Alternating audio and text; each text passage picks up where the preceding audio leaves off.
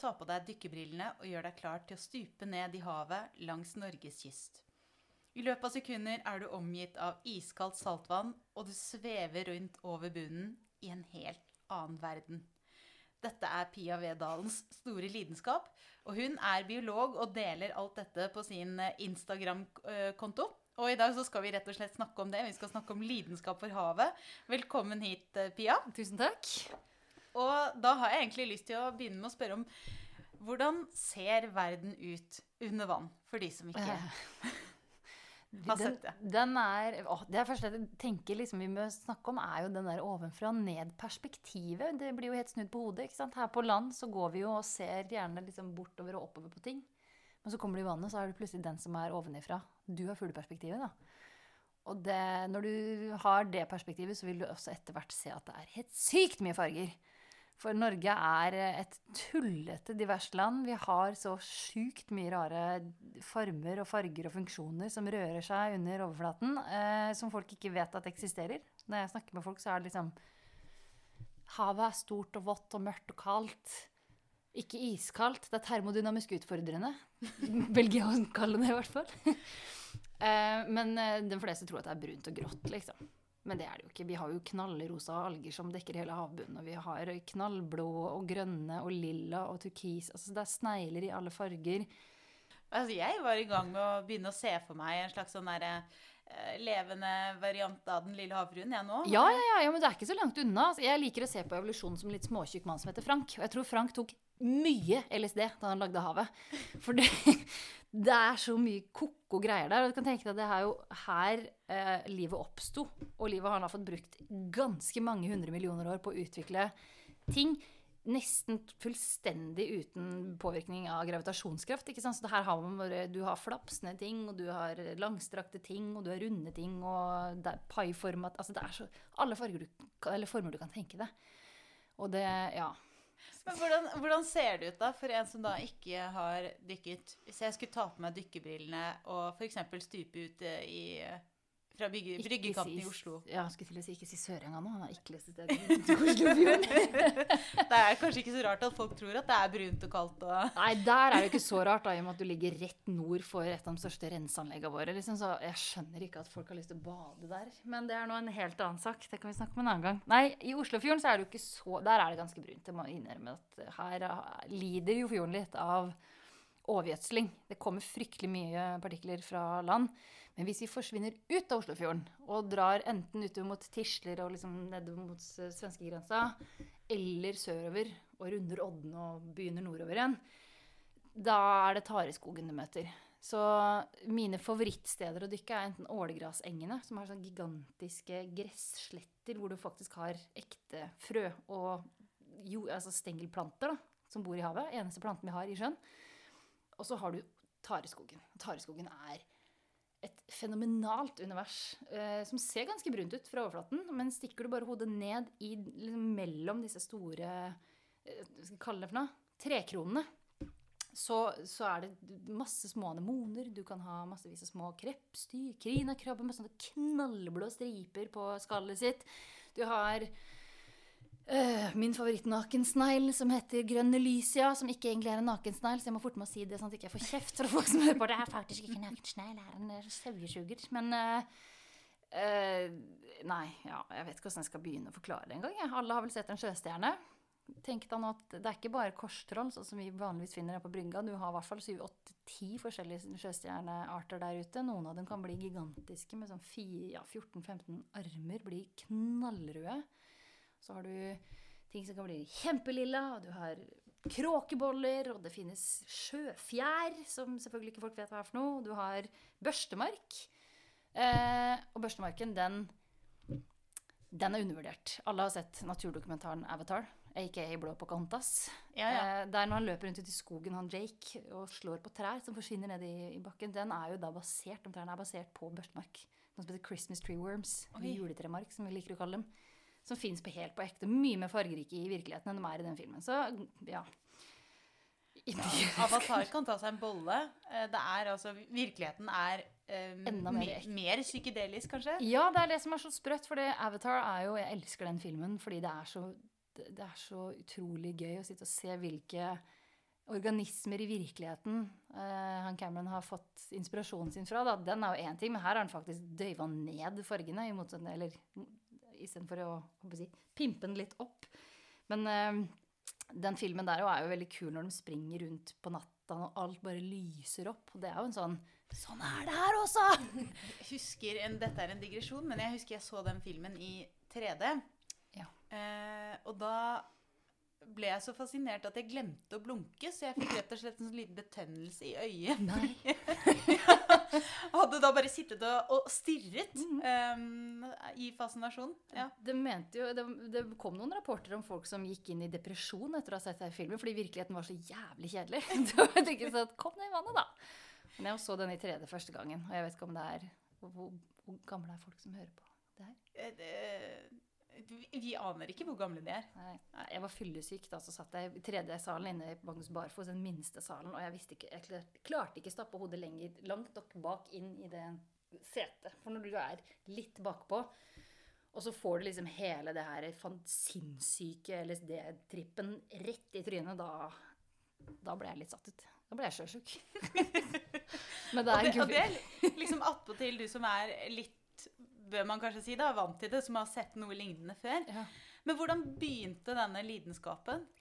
Jeg er litt usikker. Jeg tror den bare aldri har vært der. For jeg, så lenge jeg kan huske, så har jeg digga å sitte og sett på Globus 2, og ja, det er jo Så gammel er jeg. Men det var jo det med naturdokumentarene hver søndag klokka sju eller noe sånt på TV 2, husker jeg. Og jeg elska alle de bøkene med sånne rare organismer som jeg kunne finne på, på biblioteket. Men jeg tror også det henger litt sammen med at jeg digger science fiction og fantasy. Alltid vært glad i å på en måte dagdrømme og drømme meg bort i ting. Eh, og leke med alt som har vært litt annerledes, og på en måte andre universer, da. Og der er jo havet veldig annerledes, om man kan kalle det det. Så det er jo egentlig bare science fiction på ekte. Ja, Man er jo bokstavelig talt i et annet element. Ja, og du er eh, Du, du drukner liksom inn i et sånn Nei, drukner er feil ord. Du dykker inn i et, et helt annet eh, Ja, det er en helt annen verden, liksom. Du trenger ikke Harry Potter for å oppleve ting som har eksepsjonelt høy wow-faktor. Det er bare at i virkeligheten, og i hvert fall i Tareskogen, så er kanskje ikke størrelsen så stor som det er på film. Så, sånn som disse svære flyvende dragene som du får i eh, liksom, Game of Thrones og sånn. De fins jo, de er bare litt mindre. Typ et par centimeter store. så det er det som er Ja, men, men eh, altså, naboen på hytta har jo alltid visst at jeg skulle bli marinbiolog. Jeg, jeg visste ikke det før jeg var 19. Jeg skulle bli dinosaur da jeg var fem, og så skulle jeg bli cowboy, og så skulle jeg bli astronaut og prinsesse, og jeg begynte på idrettslinja fordi jeg skulle bli jagerflypilot. Så jeg vet ikke helt liksom, hva hjernen min har tenkt opp gjennom åra, men biologien har på en måte aldri vært der. Og jeg tror det der å bare liksom, drømme seg bort i de rare tinga har vært et sånt eh, Ja. Det er liksom der det sprang ut av den tangdotten under brygga på hytta, som vi lå og stirra på i timevis som barn. Og rur. Ja, du, jeg har sett en av de uh, episodene dine på Instagram om rur. og, og deres, uh, hva skal jeg si, forplantnings... forplantningsstrategi. Strategier. Strategi, har, du- har du lyst til å gjenta det? Jeg syns, jeg syns det er så gøy at jeg kan godt høre det en gang til. Ja, det syns jeg jo. Jeg tror kanskje folk begynner å bli litt lei av å høre meg tjate om rur. Men for de som ikke har eh, hørt om rur før, da, så er jo rur disse små, hvite vulkanlignende sakene som bor på svaberget, under skroget på båtene og er pest og plage for alle oss som liker å kjøre fort på sjøen. Um, det er et krepsdyr som sitter opp ned i den lille borgen sin eh, og vifter med beina for å fange mat. Og rur er jo veldig spennende på mange plan. Det har verdens sterkeste lim, så det sitter jo da limt fast i underlaget med noe som bare nesten ikke er mulig å få bort. Og så er det da det dyret i verden som har lengst penis sammenlignet med kroppsstørrelse. Jeg er snart 35 år gammel og fniser fortsatt av det. For det er veldig gøy. Ehm, så den penisen kan bli opptil ti ganger så lang som kroppsstørrelsen på selve ruren. Og det som er litt morsomt, er jo at den faller jo av for hver gang den har blitt brukt.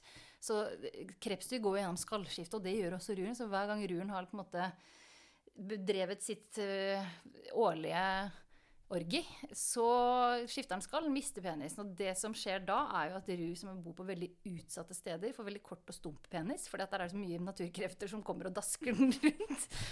Mens rur i litt mer sånn lune farvann for en lang og tynn en. Um, og det som Der er det, jeg elsker denne biten. Der er det morsomste er at Ruren har det vi kaller for en søkende penis. Og det er jo alle damer som har vært på byen etter klokka to en lørdagskveld, vet hva det er for noe. Da kommer den fram. Eh, og på tuppen av den lille søkende penisen sitter det en nese som Ruren stikker opp, og så er det sånn Å, der var et hull. Pukk, du er gravid. så liksom, Pukk, nå er gravid. Og den er litt sånn der hør der og hopp-type strategi på, da, fordi de er hermafroditter, så de trenger på en måte ikke finne representanter representant av det motsatte kjønn. Det er bare en annen rur. Um, Har det, vet den at det er rur også? Fordi at det, blant midd for eksempel, så er de ikke fremmed for å bare ta alt. Nei, det er Ja, jeg tror de kan lukte Altså, den nesa lukter at her er det rurlukt. Ja. Um, og det er jo litt sånn Den her lange penisen kommer jo av at det er eh, det er jo et krepsdyr som sagt, som har det vi kaller for indre befruktning. Så akkurat sånn som oss mennesker, så må de poke borti hverandre for å bli gravide. Og når du må poke borti noen som sitter dønn fast med verdens sterkeste lim, eller du selv sitter fast med verdens sterkeste lim, da er det greit å ha litt sånn lang poking device, da, så du kan nå bort til naboen, og litt flere av dem også. Så det, det strategien der er liksom finne et åpent hull, forte seg før eh, vedkommende, eller vedrurene, klarer å lukke igjen det skallet sitt. Og så er det på en måte sånn Her kommer jeg, det vil du ikke. Snakkes aldri. Og så er den ferdig. så jeg anbefaler selvfølgelig ingen å adoptere den strategien. Hvis det sitter noen mannfolk der hjemme og tenker sånn Nei, men det er helt naturlig! Så bare fordi det er naturlig, betyr ikke at det er greit. Så da, hvis du gjør det, så håper jeg du får den på trynet. Det er også ganske naturlig. Altså, det er veldig mye som er naturlig, som er ja. ugreit. Mm Eh, eh, Apropos midd. Ikke sant, apropos midd. Um, en, en favoritt der er jo den som da uh, lager en liten sånn sædpakke. Eh, kler seg ut som bytte. og så lurer dama liksom sånn Hei! Vifter litt sånn over den sædpakken, får henne til å løpe over. Så er jo den, den sædpakken er jo eh, rullet inn i noe klebrige greier, ikke sant. Så det som skjer, er jo at eh, når dama da nærmer seg, så smetter den unna.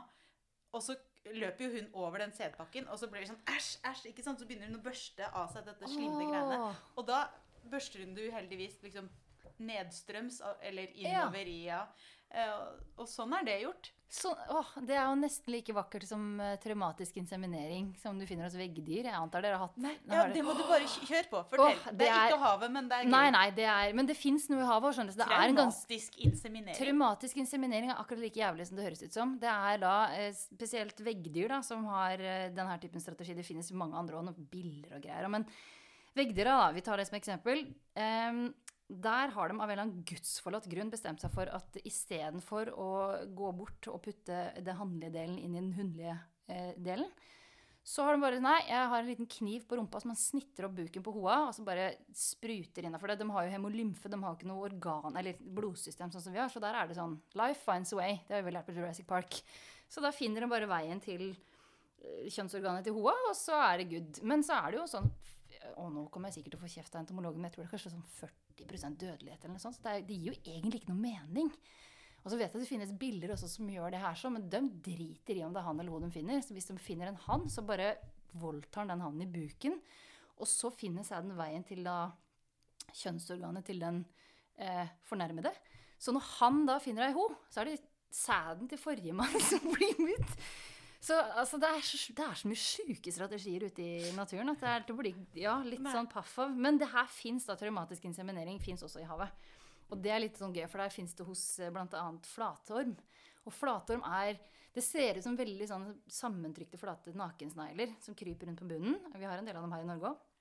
Det de gjør når de skal gjøre det vakreste to flatorm kan gjøre med hverandre, er de på en måte bøyer opp eh, Det blir feil å si at de bøyer, setter seg på bakbeina, for de har ikke noe bein. Men de bare de knekk, lager en knekk på seg selv, og så vokser det to peniser ut på buken på begge to. Igjen hermafroditter.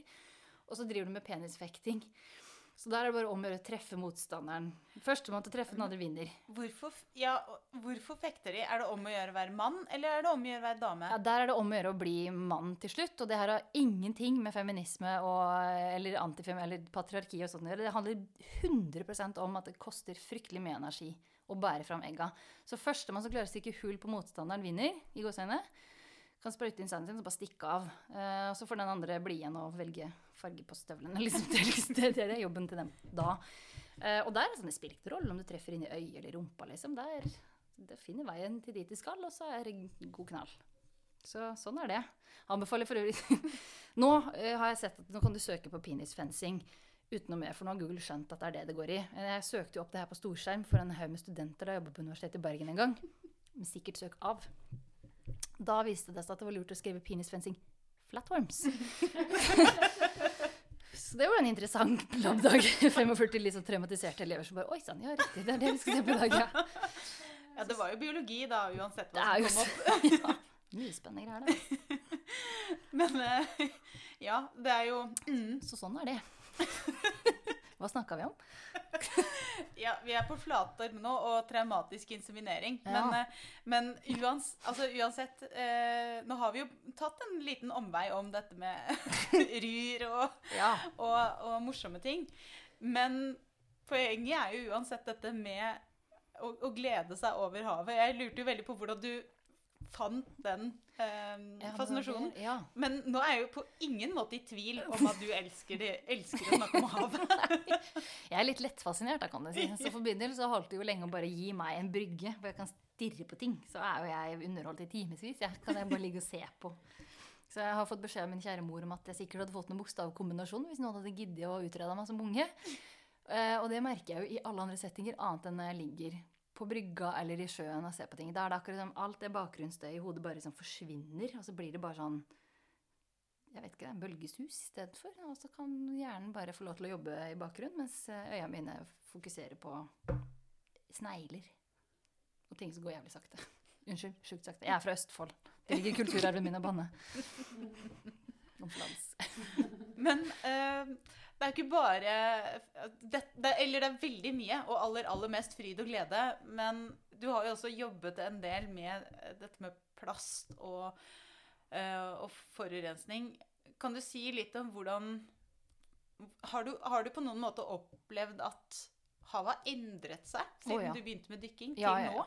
Ja, ja. Det ikke bare siden jeg begynte med dykking, men på, på brygga mi hjemme så har det gått fra å være Det var liksom det var ikke de store tareskogene der, for det er ganske beskytta inn i Singlefjorden, der jeg er fra. Vi har hytte ute i Ullerøy, og der ligger det Hvalerøyene, og så er det på en måte en veldig veldig sånn beskytta fjordarm. da. Eh, men vi har hatt mye tang, og vi har alltid sånn, fant ål ned på brygga, masse småfisk og krabber og sånt. Og nå er det blåskjell, stillehavsøsters og en og annen tangde som klamrer seg til livet. Ellers er det bare mudder. Og det har jeg sett i løpet av de siste 20 åra. Og det har gått veldig fort de siste ti. Eh, så det har gått sånn sakte, men sikkert nedover. Og så sa det bare boff på et tidspunkt, og nå er det helt krise. Um, søpla er jo én ting, men eh, den derre totale destruksjonen som har funnet sted ute i Oslofjorden, er helt sinnssyk å måtte være vitne til. Og det er så trist. Men hva er det som har skjedd, egentlig? Det, det er så vanskelig å si. For det, det enkleste hadde jo vært å si klimaforandringer eller overfiske eller for mye sel eller et eller annet sånt noe. Men det er så utrolig komplekse systemer som har utrolig mange faktorer som har spilt inn her. Eh, en ting er at vi er fryktelig, Det er halvannen million mennesker knyttet til Oslofjorden. Det er mange mennesker på, en, eh, så, på så lite område. Vi turer rundt og kjører båt tuter kjører og fisker og fisker og fisker. Og jeg elsker allemannsretten. Men vi nordmenn er ikke så flinke til å begrense oss. Er det hummersesong, skal vi mest, da skal liksom flest mulig tegnere ut og flest mulig hummer opp. Og vi skal fråtse i ukevis, liksom. Og vi skal fiske all fisk vi kommer over, og fylle fryseren fordi det er gøy. Eh, og det er klart, når kanskje ikke halvannen million mennesker fisker daglig, men ofte nok, da. Eh, det kom jo noen forskningsrapporter for en stund tilbake som sa at 75% av fisken som blir tatt i Oslofjorden, tas av fritidsfiskere. Det er ganske mye. Eh, og da nytter det ikke å stå og si sånn Ja, men den, den lille seien her, eller den lille torsken her. For når det mange nok gjør det, så, så går det gærent. Og så når man da bikker et sånt eh, et terskelpunkt da, på ting som går gærent, så begynner det virkelig fort å gå nedover. Og det vi også ser her nå, er at vi har jo vi har jo for vane å ikke synes at det er så kult å for eksempel parkere i myr. Så vi bytter ut myr med betong og asfalt. Eh, Vi fjerner store våtmarksområder på land og lager byer. Vi legger eh, bekkene våre i rør. Vi har funnet ut at det er mye morsommere å pløye firkanta jorder enn jorder som går og snirkler seg fram og tilbake gjennom bekkefar. Så det vi gjør, er jo egentlig å kutte ut Jeg liker å sammenligne da vassdraga på land med tarmsystemet til mennesket. Vi har jo fryktelig lang tynntarm for at maten skal bruke lang tid gjennom kroppen og få tatt opp alle næringsstoffene og gå og sånn og sånn. Og litt sånn er det med elves- eh, og bekkesystemene våre her òg. Vi trenger at det vannet bruker lang tid fram og tilbake, sånn at partiklene kan få legge seg og bli plukka på røtter og tjo og hei. Og når vi klipper bort da tynntarmen, så får vi jo diaré, liksom. Så Norge har bare diaré konstant, nesten. Virker det litt sånn nå. Og det er jo helt spinnvilt å se på. Hvis du ser på nedbørskartet til Norge, da, så er vel rundt to tredjedeler av den nedbøren som faller i Norge, ender opp i Oslofjorden. Så du kan tisse på Skjåk, liksom, og så ender den, det tisset ut i, eh, enten i, nede i Fredrikstad eller på andre siden. Så det er, eh, det er ganske sprøtt. Men poenget med det da, er i hvert fall at det kommer noen vanvittige mengder med partikler ut i den fjorden her nå. Og når det er all, alt av støv og jord og det som måtte være rester fra næringsstoffer i jordene og Yes. hele pakka. Det har vært en eh, man, vi, Gjerne hjemme i Østfold og sånn, der ser du nesten ikke forskjell på hvor Glomma stopper og jordbruket begynner. Eh, Det er ikke noe kantvegetasjon igjen som kan holde på jordsmonnet. Og det er eh, Nei, vi har ikke vært helt gjennomtenkte, kanskje. Og jeg skjønner bøndene godt. Ja. Det er skrint å være bonde, liksom. Altså, man vil jo utnytte det man har mest mulig grad, da. Så det er, det er mye å jobbe med der, for det er mye erosjon fra ikke bare landbruket, da, men også generelt rundt omkring. Og all den dritten som kommer fra veiene her i, i byene også, er jo med på å for, ja, si, formørke fjorden. da. Så det man ser nå, er jo at nå er det ikke noe særlig liv igjen i fjorden til å ta imot all denne næringen, som egentlig bare er ren gjødsel for det som skulle vært. Så det man har spekulert litt i, f.eks. hvorfor sukkertaren blir så innmari borte nå, er jo det at i overflatevannet så blir det varmt. Og det har man jo sikkert. nå. du har jo iskaldt saltvann, men shit, altså i overflata hjemme i Sarpsborg så kan det bli opptil 27 grader i overflata Oi. på sommeren. Og det blir jo for varmt for taren. Mens der nede hvor det er dypt eller kaldt nok, så blir det for mørkt. Fordi det er innmari mye partikler, så fotosyntesen får ikke kommet skikkelig i gang. Da. Så, og så kveles det på en måte av sånn mudderteppe. Da. Eh, og nå er vi kommet dit hen at nå er det på en måte en sånn selvforsterkende sånn positiv feedback-loop. da, Hvor det bare blir verre og verre. Så nå må vi gjøre noe ganske drastisk også. Men eh, Men hva kan man, hva kan man gjøre for å, for å rett og slett uh, Hvis det er noe håp, da, Ja. for Oslofjorden ja, f.eks. det er det jo. Uh, og det må vi si at det er. Det. Hvis ikke så blir det veldig deprimerende. Ja. uh, så hva gjør vi for å få tilbake livet og, og Avatar, rett og slett? Nå skal vi ha tilbake Du, det var fint du spurte, for nå er vi jo inne i FNs tiår for naturrestaurering.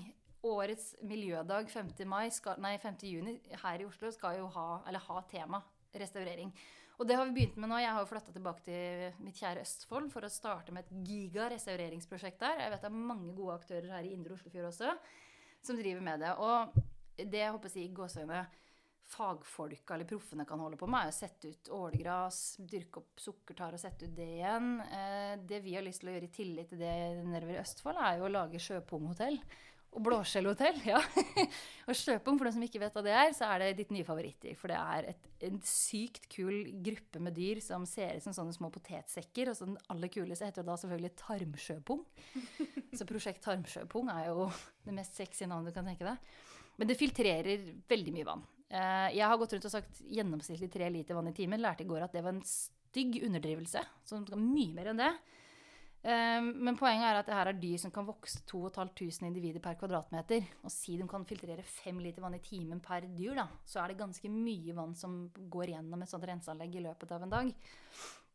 Så vi har lyst til å se litt på um, Det var en som heter Lars Dalen fra Marinrepetørene som snakka om det her første gang for noen år siden. At kanskje vi kunne da laga noen vegger med sjøpung rundt sukkertareinstallasjoner. Hvor du henger ut sukkertaren, og så lager vi sånne filtrerende beskyttelsesmekanismer, sånn at sukkertaren får klarere vann og kan vokse dypere.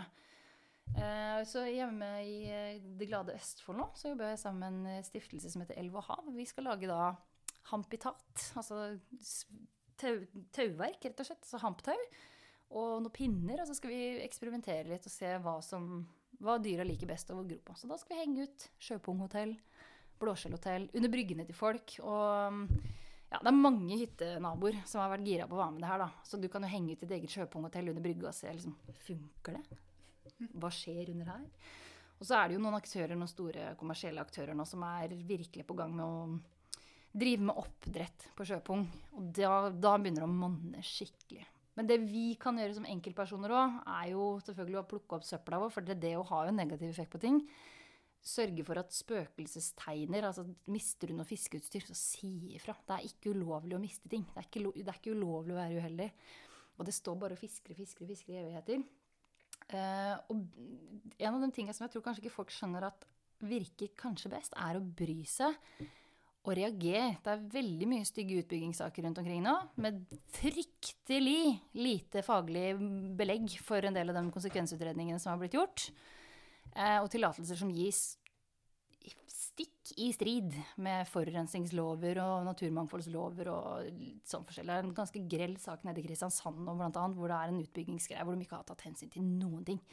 Og fått tillatelse liksom omtrent ut av ræva på Ja, skal ikke si noe, men eh, så, Men det er klart, er man en liten velforening som kjemper mot byråkratiet, så, så er det tungt. Så jo flere som kan stå og hyle sammen, jo bedre er det. så det var en lang, lang liten kort tirade på alt man kan gjøre. Ja, men jeg tenker at det er fint, ja, fordi det viser jo at det er jo, uh, som du sier, at dette er jo kompleks. Det er ganske mye forskjellig man kan gjøre. Mm. Og, og, alle, alle monner er med å, å dra da, i den mm. riktige retningen. Mm. Men nå er jo, dette var kanskje et litt navlebeskuende spørsmål. Det tar, tar jeg også inn over meg, fordi eh, det er jo ganske mye mer hav enn Oslofjorden i ja, Norge. Ja, herregud, det er det jo heldigvis. Og det er, står relativt bra til generelt i Norge også. Så det, det skal sies. Det er, det er, her er det krisesituasjon akkurat nå, men uh, bare kom deg litt ut, så er det mye som er fantastisk. Ja. Så, og der er det følg litt med. Det er liksom den beste tipset jeg kan gjøre. Plukk litt søppel når du er ute, og gå ut og klem din nærmeste tangdott og bli, liksom, adopter en børstemark, eller hva du gjør. Finn liksom, Det er jo litt ditt, ikke sant? Og ingen vil jo at litt sitt skal bli ødelagt. Men hvis du skal gi et tips da, til de som er ute i løpet av sommerferien, mm. og ta med seg f.eks. Eh, familie og venner, eller en liten femåring, eller et eller annet, hva, hva skal vi se etter? Hva skal vi snakke om som er, som er gøy? Hva, hva, vil du tipse om at vi skal liksom være på jakt etter eller se, oh, se etter? Nakensnegler. og det er akkurat det det høres ut som. Det er snegler som har glemt å kle på seg. De har ikke skall eh, og er veldig ofte veldig fargerike. Så vi har jo hvite med knallgule prikker og rosa og blå og tjo og hei. Og dem er sånn Når du først ser dem, så ser du dem. Og det samme med eh, stankelbeinkrabbe. Det er også bare et pinnedyr som kravler rundt. Um, jeg datt ut av kanoen min første gang jeg så en stankelbeinkrabbe. Og var sånn yeah! Og nå ser jeg dem jo overalt, så du må bare lære deg ut liksom, lære deg å se under vann, da. Um, for det, jeg, jeg, kan ikke begynne å ramse opp alle artene som finnes der, for det er kjempemye snodige greier. Kjøp 'Dyreliv i havet', f.eks. Det er en fantastisk oppslagsverk av en bok. Masse fine fargerike bilder som viser alt du kan finne i fjæra. Og da er det egentlig bare å bla og der sitter si 'den vil jeg se', og så går du ut og så leter du etter den. Ja. Hvis det ga mening.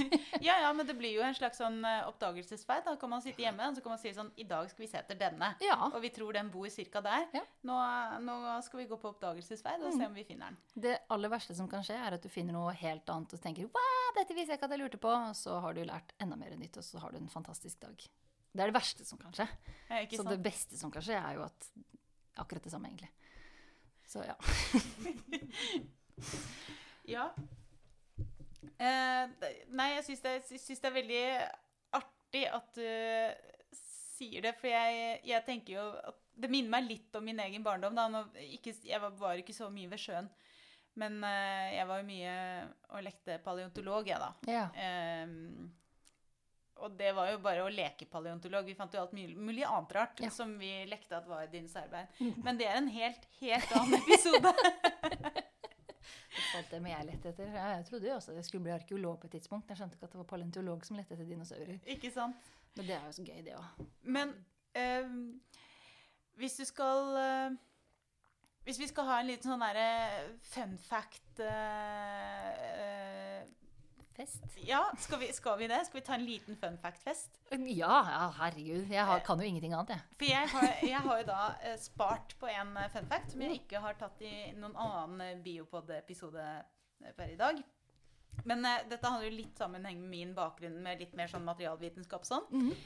Men uh, en liten periode, en veldig kort periode, før noen tok en ny verdensrekord, så snakker vi om da uh, verdens hardeste biomateriale. Og det ble laget av ingen ringere enn en patella vulgata. Oh, nei, er det sant? Albuesnegl. Ja. Sånne små trekanter eh, som du kan Store eh, finne Store vulkaner? Ja. ja. Og eh, det som er gøy med det, det er ikke selve skjellet eh, eller skallet. Er det raspetunga, da? eller? Det er Ja. Det er raspetunga. Og den, ja, nå, nå spoila du nesten. Men det er helt greit. Det som er så gøy, er at det er et bilde av dette her på, uh, på internett. Um, og de har altså en tunge som ser ut som en sånn uh, Zoomer du inn på disse raspetenna på tunga Altså den, den har rett og slett tenna på tunga. Eh, og de tenna, de ser akkurat ut som tenna til en Tyrannosaurus rex. Det er den samme liksom, vinkelen, den samme skarpheten. Og de tennene er altså verdens hardeste biomateriale. Og det er jo ikke så rart, fordi albuesneglen lever av å spise alger av stein. Mm. Den slikker stein. og da må du jo ha en sånn motorsaglignende motorsag-lignende tunge som skraper disse stakkars algene av steinen. Jeg syns det er kjempegøy. Det er, og kan jeg bare si, eh, Hvis du putter eh, en vanlig sånne små strandsnegl i et akvarie, et glassakvarie, og lar det stå en stund, sånn at det blir litt sånn algevekst på rutene, så kan du se den raspetunga, eller radioland som det heter. Når de kryper oppover, så kommer det sånn blub, blub. Ja, nå ser jo ikke dem som hører på det her åssen jeg holder på med hendene mine, da, men det, det ser helt ko-ko ut. Åh, nå, det Ja. Men er ikke det litt morsomt? Jo. Det er verdens hardeste biomateriale. Og så var det noen som fant, på, fant noe annet, da. Men uh, den, så den hadde den rekorden i et par måneder eller noe sånt. Ja, men det er godt nok, det. Men det er uh, close enough. Ja, jeg syns jo det. Og så har du vært president. Og så, ja, det kommer andre som er president, men du har fortsatt vært president. Liksom. så du har det på merittlista. Den kan skrive det på CV-en sin. Åh, nå fikk jeg litt lyst til å dra en Radula fun fact, men den er også penisrelatert. Så jeg vet Kjør ikke helt tennis, om det er helt greit. Det er Nå må ikke folk tro at det er det eneste jeg tenker på. Jeg har bare vært mye felt med Gunnar Kufti Michaelsen, og han er den mest penisfikserte ja, heterofile mannen jeg vet om. Så han har lært meg alt det ja, som han også da kaller det vakreste to individer kan gjøre med hverandre. Men det er da, det her er en fun fact som jeg ble fortalt i felt på universitetet da jeg jobba med undervisning der.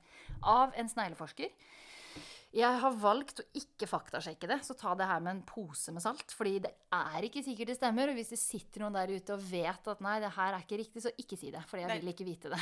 Er det rett og slett mer fun enn fact? det vet Kanskje. Ikke, kanskje. Men det, det kom fra en sånn eh, reliable source, så jeg velger Det kom liksom ikke fra Oddvar 42 ute på Sotra, liksom, som bare har funnet på et eller annet. Men eh, greia er da at disse strandsneglene Er, snakker vi patella vulgata Nei, nå snakker vi litorina. De Ja.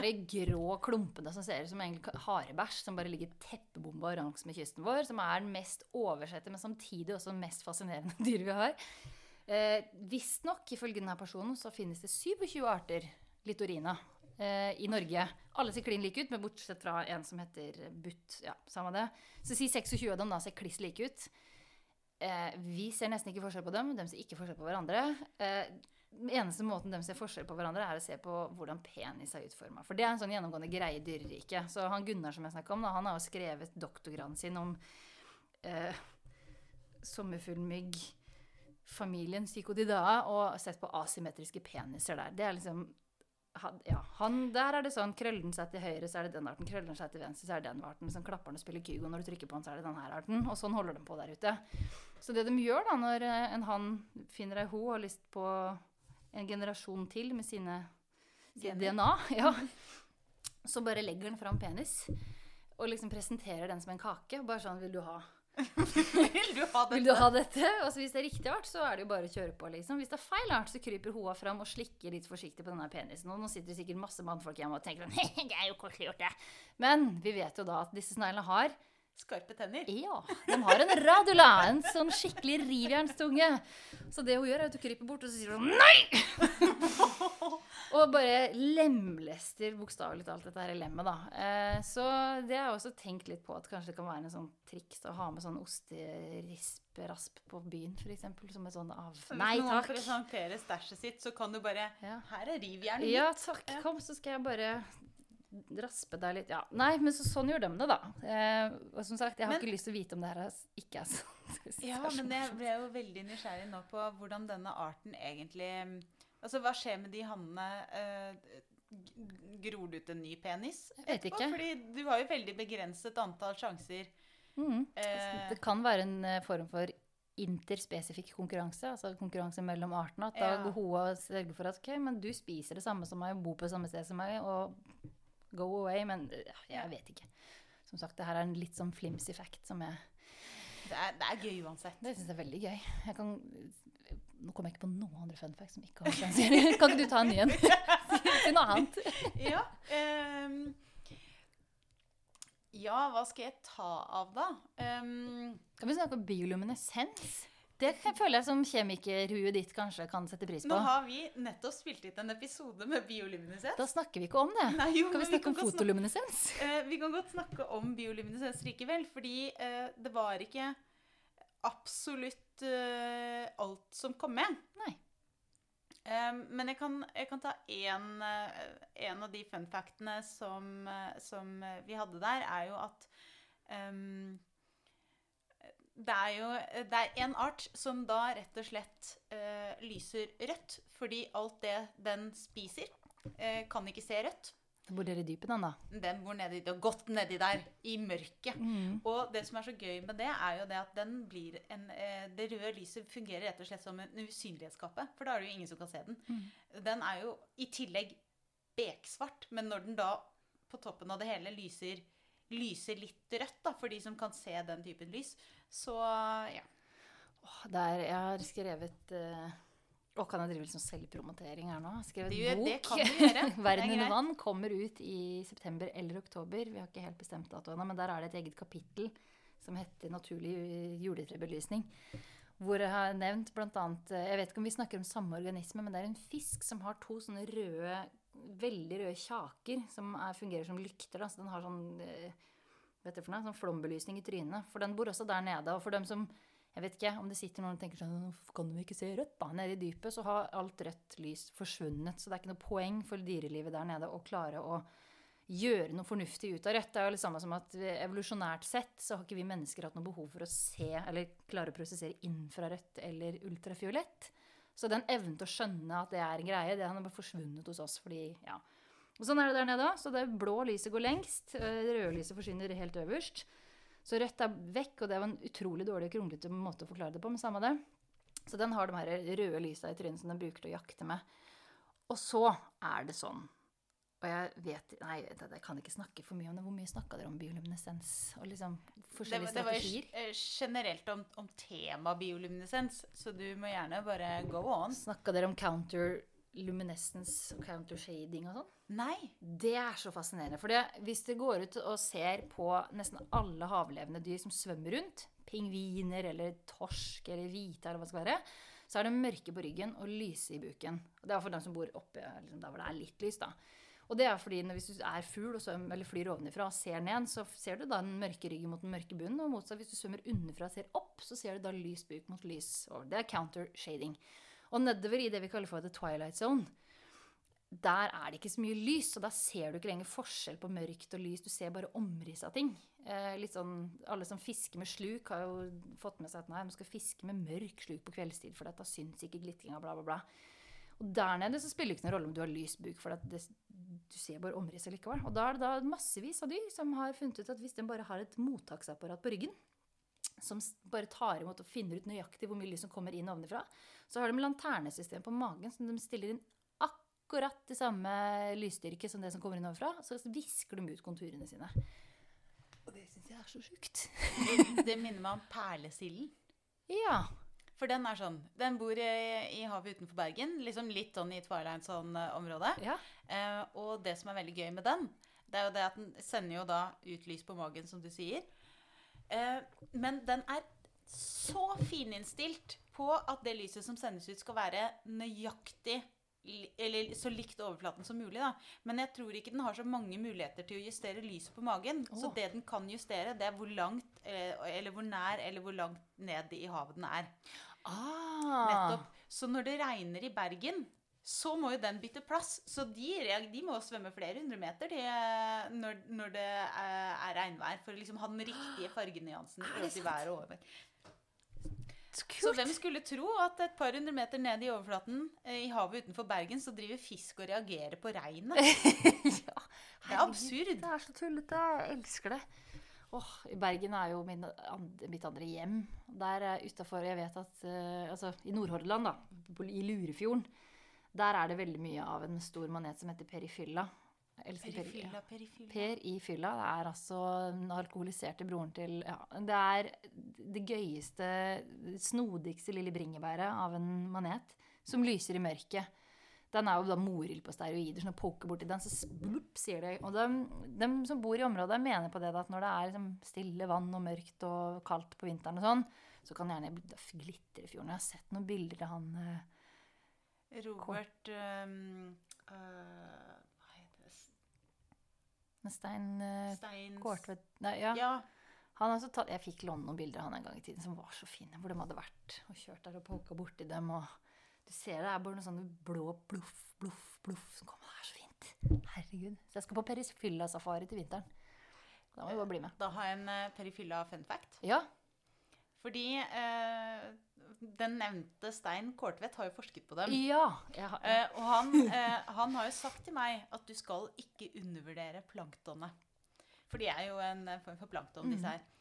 Og det som han har funnet ut, han og andre forskere har funnet ut, det er jo det at eh, oppførselen til maneter er jo ikke tilfeldig. Nei. Eh, og det i første, første gang jeg hørte det, så ble jeg veldig overrasket, for de har jo ingen hjerne. Det er ikke noe sånn eh, Det er ikke noe tankevirksomhet der.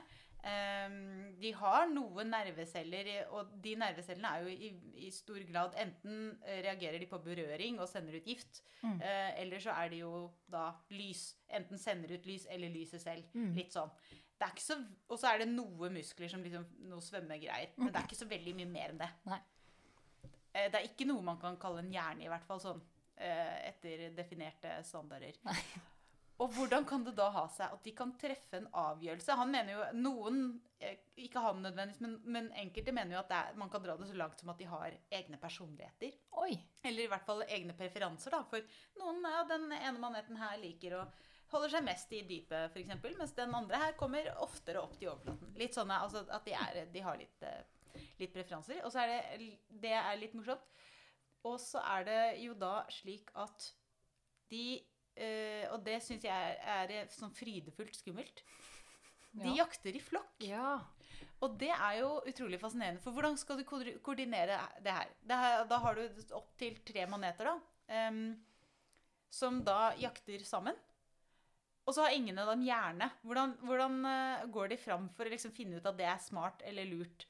Eh, det Stein Kortvedt og andre forskere da eh, prøvde å finne ut av, var Fins det noe Kan vi regne på det matematisk? Selvfølgelig. Selvfølgelig. Fordi måten disse perifylla, jakter på, det er at de svømmer, de svømmer med disse fangarmene sine framover. Eh, så ikke sånn som glassmaneter og andre eh, søte maneter som man har sett før, med liksom sånne tråder som henger etter. De svømmer med trådene foran seg, og de er litt sånn tjukkere og litt sånn mer substans i. Mm. Og eh, det som skjer hvis det kommer et sånt lite sånn krepsdyr eller sånn som de spiser, det er at eh, krepsdyrets eh, strategi, hvis den tror at den kanskje kommer til å bli spist, så spretter den i en vilkårlig retning. Ja. Eh, kjemperaskt. Og da vil jo den maneten ikke få eh, seg en, et krepsmåltid. Men Men hvis det er en manet ved siden av, ja. så kan jo den Sånn at da kan de på en måte eh, dra nytte av hverandres mistet, mistede mat. Da. Mm.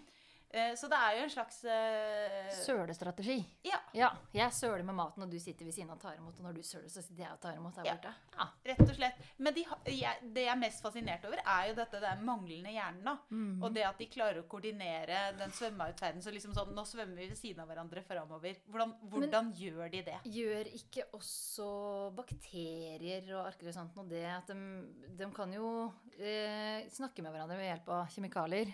Og jeg bare tenker liksom, kanskje det her bare er en sånn instinktiv greie som jeg, jeg Det kan, ikke. det kan være instinkt og rett og slett en eller annen form for sånn Å, nå kom det kjemikaliet som bare kicker Ja. det i gang den her atferden, liksom. mm, Det kan være. Dette visste jeg ikke at jeg lurte på så mye. Herregud. Å, det er så fascinerende. Men er Jeg tenker, jeg tenker jo det at uh, Det er jo sånne små eh, C. elegans-ormer har jo noe sånt som fire hjerneceller, eller hva den er. Mm. Og den kan jo lære. Ja. Så det er jo kanskje bare det at vi ikke har funnet dem ennå, da. Nei, det her snakka jeg med han Jeg var på, eh, fikk lov til å være med på Abels tårn i stad og snakka med Gaute Å, jeg er så dårlig på det etternavnet. Einvoll. Unnskyld, jeg klarer ikke å ja. Hjernefysiker. Og det var jo bare kjempegøy å sitte og snakke med han om de her type ting. Og vi snakka bl.a. om det her med muskelminne er jo én ting, da, men jeg har jo hørt, og det her er en veldig shady fakta, det også, som det kan hende jeg bare har funnet på noe sånn BuzzFeed eller vet ikke. Men jeg mener jeg leste en artikkel en gang i tiden om at um, man har sett nok sånne der, jeg håper å si insta, eller, å, nok eksempler på at folk som har fått organer donert, har plukka med seg deler av personligheten. Typ sånn Ja, nei, jeg hadde, fikk transplantert en lever, og så plutselig begynte jeg å digge Led Zeppelin fordi at donoren Det var favorittbanen hans, liksom. Og det har visst vært såpass mange nå. Igjen, ta det her med en god lastbilplan med salt, altså. Men um, det er jo litt kult å tenke på at preferanser og personligheter og sånne ting bare kan sitte i deg. Altså, det er jo muskulatur, det også. Det er jo glatt eller skjelett Jo, glatt muskulatur er det vel. Så det, det, gir jo på en måte en slags mening, i hvert fall oppi mitt lille biologihode. Da, at du, kan du trene opp en, en, arm til å gjøre sånn og sånn og sånn, så kan du kanskje også trene opp levra di til å like Led Zeppelin. liksom. Altså at du Jeg vet ikke, altså, men ja, jeg husker ikke helt hvor jeg skulle med det her. Nå snakka jeg meg bort. Men eh, poenget er at Jo, det var det det var. Det er ikke sikkert gitt at det vi ser på som hjerne, er det som tels som hjerne i dyreriket. Det er bare å se på blekksprut, som har én hovedhjerne, og så har de to sånne såkalte optiske lober, altså én sånn minihjerne per øye, og så har de da et gigantisk nettverk av nerver i armene. Så armene kan fungere som en nesten sånn autonom entitet. ikke sant? Eh, insekter og eller leddyr har det vi kaller for sånn ganglier, da, sånn klumpe med nerveceller knytta til hvert bein. Kanskje de har personligheter? Altså venstre, tredje venstre bein på denne billen har faktisk eh, Den, den liker Kari Bremnes. Så jeg vet ikke. Uh, ja, det var veldig langt. Det, det, her tror jeg vi må ha en egen podkast om en dag. En ja, det... filosofisk visvas. Uh, vi finner på ting. Drikke litt rød Vi kan drikke litt uh, boblete eplemost og fabulere om ting vi ønsker. Som kanskje ikke har noe rot i virkeligheten. Det hadde vært veldig, veldig gøy. ja. Jeg skal, jeg skal, stoppe der, jeg. Ja. Um, ja, jeg, har, jeg har ett siste spørsmål uh, før jeg tror vi skal runde av. Det er jo rett og slett bare har du, jo, Nå har du vært innom flere. Men har du en favorittart? Åh, oh, ja. Uh, ish. Det er veldig vanskelig. Du har jo vært innom mange nå, men det er jo Ja, og det er så dumt, for jeg snakker jo alltid om Å, det her er min favoritt ditt og favoritt datt. Så, men den arten jeg kan huske som liksom har hengt med meg lengst, den fant jeg faktisk som niåring på biblioteket hjemme i Sarpsborg. I en bok om Husker ikke hva, det var åpenbart noe med havet, da. Men den heter Pelikanål. Eurifarings pelikanoides på latin. Den ser ut som en slags Hvis du blander en sædcelle med Pacman, så har du den her. Det er en gigantisk kjeft. Eh, der er pelikanoides-navnet. da, En enorm kjeft med bitte, bitte, bitte, bitte, bitte lite øye på tuppen. Og bare en sånn lang, tynn eh, halekropp utover det. Og så er det en liten sånn lanterne, en liten lykt i tuppen av den halen. Og jeg, den har jeg bare vært så dypt fascinert av helt siden jeg så den som niåring. Så den har liksom bare limt seg fast i huet mitt. Men jeg må også si blekksprut er jo min favorittgruppe. For det er jo helt sjuke dyr. Tenk at den kan skifte form og farge på alle cellene i huden sin. Altså, Bare så mye hjernekapasitet som skal til for meg å løfte opp den kaffekoppen her. Tenk når jeg skal løfte opp åtte kaffekopper samtidig, samtidig som jeg skifter form på alle cellene i huden min. Og farge! Og den kan jo gå i ett med absolutt alt. Og så er den visstnok fargeblinde, og det skjønner ikke jeg. Så jeg tror egentlig ikke Blackfoot fins. Jeg tror det er en kollektiv psykose. Bare noe vi har funnet på. Enten det, eller så er det noen aliens som har fløyet forbi her og bare tenkt sånn ha! Her har vi en planet full av aper med angst, la oss kødde med dem, liksom. Så satser blekksprut her, og så sitter bare og ler av oss. Vi er nok egentlig bare sånn realityshow For blekksprutene. Ja. Uh, bare, det er bare så sykt sprø dyr. Og den aller kuleste av dem Det er mange forskjellige kule blekkspruter, men uh, vampyrbleggspruten den heter Vampiroteuthis infernalis på latin. Som direkte oversatt betyr vampire squid from hell. Og den er ja, Hvordan har den fått dette litt eh, Jeg vet ikke, Er det et ufortjent navn? Nei. Nei. Det, jeg syns den er nydelig. Den har sånn skikkelig dyp burgunder og farge. Litt sånn glinsende. Og så har den pigger på alle armene sine. Den tilhører da en gruppe blekksprut som har sånn eh, webbing, hva heter det for noe? Altså sånn uh, svømmehud, nesten, mellom armene sine. Så det er ikke sånn én og én arm, det er én og én arm pluss da et sånt deilig kappe. Og på undersiden sammen med sugekoppene så sitter det da pigger. Eh, og så har den en liten lomme med bioluminescens i tuppen av hver arm. Og så bor den så dypt nede, så den, det blekket der syns jo ikke. Så den har selvfølgelig selvlysende blekk. Og så har han to svære lysende kuler på toppen av mantelen, altså toppen liksom hodet, som skal imitere øyer. Så hvis den blir angrepet, så, så prøver han liksom å si 'Her er øya mine. Her er hodet mitt. Her er jeg.' For da, hvis det forsvinner, så det kan gro ut igjen, på en måte. Så den vil helst bli nappa på isen istedenfor skalpert, liksom. Skal, hva er det eh, det heter? Altså Det heter vel skalpering. Ja, Ja. skalpering. -hmm. Så det er på en måte skalpering er greit, for det kan vokse ut igjen. Ja. Men, ja. For, for blekksprut, Mm. ikke for mennesker. Um, så ja, det gjør dem. Og det som er litt trist, er jo at jeg så det her dyret, og det samme gjelder for så vidt pelikanålen. Så tenker jo da ikke sant, niåringen å, den må være gigantisk, og så for meg metervis med sånn gigantiske havmonster. Så pelikanålen kan vel bli 75 cm på en god dag. eh, eller den her eh, vampyrblekkspruten blir vel ikke mer enn kanskje en meter eller noe sånt, tror jeg. Og det som er også litt trist, er jo det at man har funnet ut at det er den eneste blekkspruten som spiser ved hjelp av det vi kaller for sånn suspension feeding. Så istedenfor å jakte og liksom være litt brutal og rå, sånn som de andre blekksprutene, så sitter han bare stille. Og så har han to sånne lange, litt klissete tråder som han strekker ut, og så bare samler han på marinsnø. Så det var litt skuffende, da. Men eh, det gjør liksom ikke noe, for den er så kul å se på at det, det går greit. Ja, og så er bare marin snø er jo også egentlig eh, Det i seg selv er jo også ganske fascinerende. Altså At du kan sitte der som en liten blekksprut og bare vente på at maten faller ned, da. Ja. Ovenifra. Ja. Rett og slett. Jeg bare åpne opp kjeftene. Sånn, ja, det blir liksom egentlig sånn stå og gape når det er snøvær. Og prøve å satse. Det er omtrent like effektivt, vil jeg tro. Å bare stå der og ja, du, du drikker deg ikke utørst ved å stå og fange snøfnugg med kjeften. Med mindre det sludder. Da ja, så må du kanskje være litt sånn eh, Ja, være litt tålmodig, da. Ja, det skjer jo ikke så mye annet der nede. De har ikke Nei. Netflix i, på havdypet, så sånn sett så er det jo sikkert ikke så himla mye å gjøre. Men uh, Men Ja. det minner meg om at uh, her om dagen så leste jeg en artikkel på forskning.no at noen endelig har funnet ut hvordan de skal uh, filme kjempeblekksprut. Fordi Unnskyld at jeg sier det. Nå, nå kaster jeg sikkert noen brannfakler og banner i kjerka. Altså, men forskning.no har jo blitt Se og Hør. Det, jo ikke, det er jo lenge siden de fant ut det. Kjempeblekkspruten filma dem jo for ti år siden eller noe sånt nå. Edith Wither som hadde, fant ut hvordan de skulle gjøre det. Men OK, jeg skal gi dem jeg- benefit of the doubt. Ja, ok, og Jeg hadde jo da ikke lest Edith Scooters, så da for meg var det jo nytt, da. Ja. Jeg tenkte, tenkte oi, kult! Mm -hmm. uh, at, man, at man klarer å, å filme den, og at den er liksom såpass uh, Hva skal jeg si skeptisk. Ja. Uh, Uh, og sky, så det er ikke så veldig lett å filme den med mindre kameraet står helt stille, og du har en eller annen form for eh, eh, Lokkedue. Ja. Ja. Da brukte den den eh, De laget en sånn platting, rett og slett. mhm. Um, den, se det YouTube Søk opp Edith, eller Edith Widder med W på TED Talk, så se Hun er min heltinne. Altså. Fytti katta for en dame. Hun er så kul og har jobba skikkelig masse med det de kaller for sånn jeg blir veldig international og non-intrusive uh, exploration. Er sånn ikke-invasiv utforsking. ja. Hvor nettopp det var greia, da. For hun snakker mye om at eh, det er sikkert sykt mye mer der nede enn det vi egentlig vet, fordi vi, er, vi bråker jo så fælt. Vi kommer ned med store lanterner og Pip, pip, pip, ikke sant? Ikke sant? Og så filmer vi ting med lys. Ja, det er nettopp det Så det. er ganske begrenset hva vi da kan se. Mhm. Men det er et sykt klipp.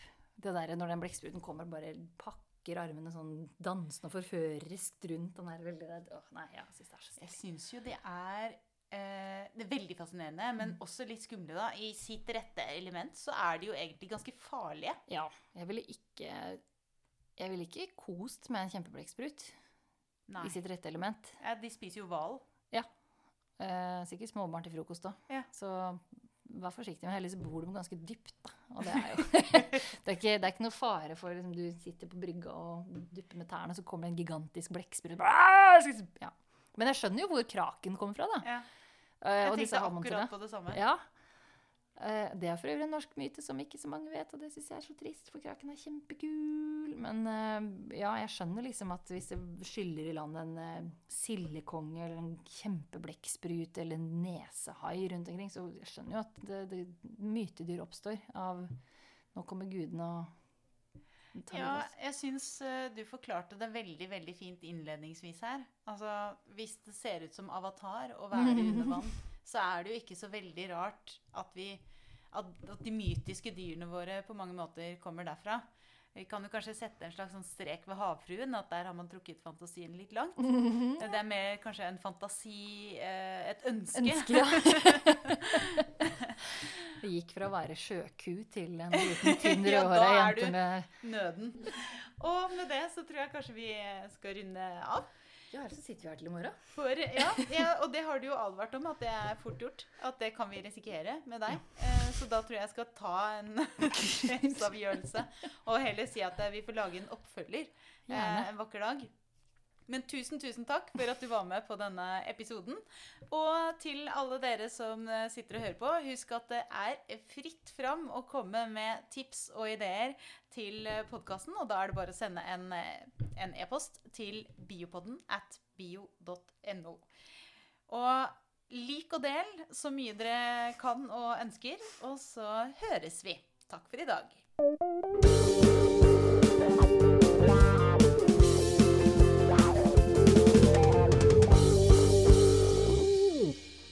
Du har nå hørt Biopodden intervju med Elina Melteig, og med på laget har jeg også Torborg Galtland, daglig leder i Norsk biologforening.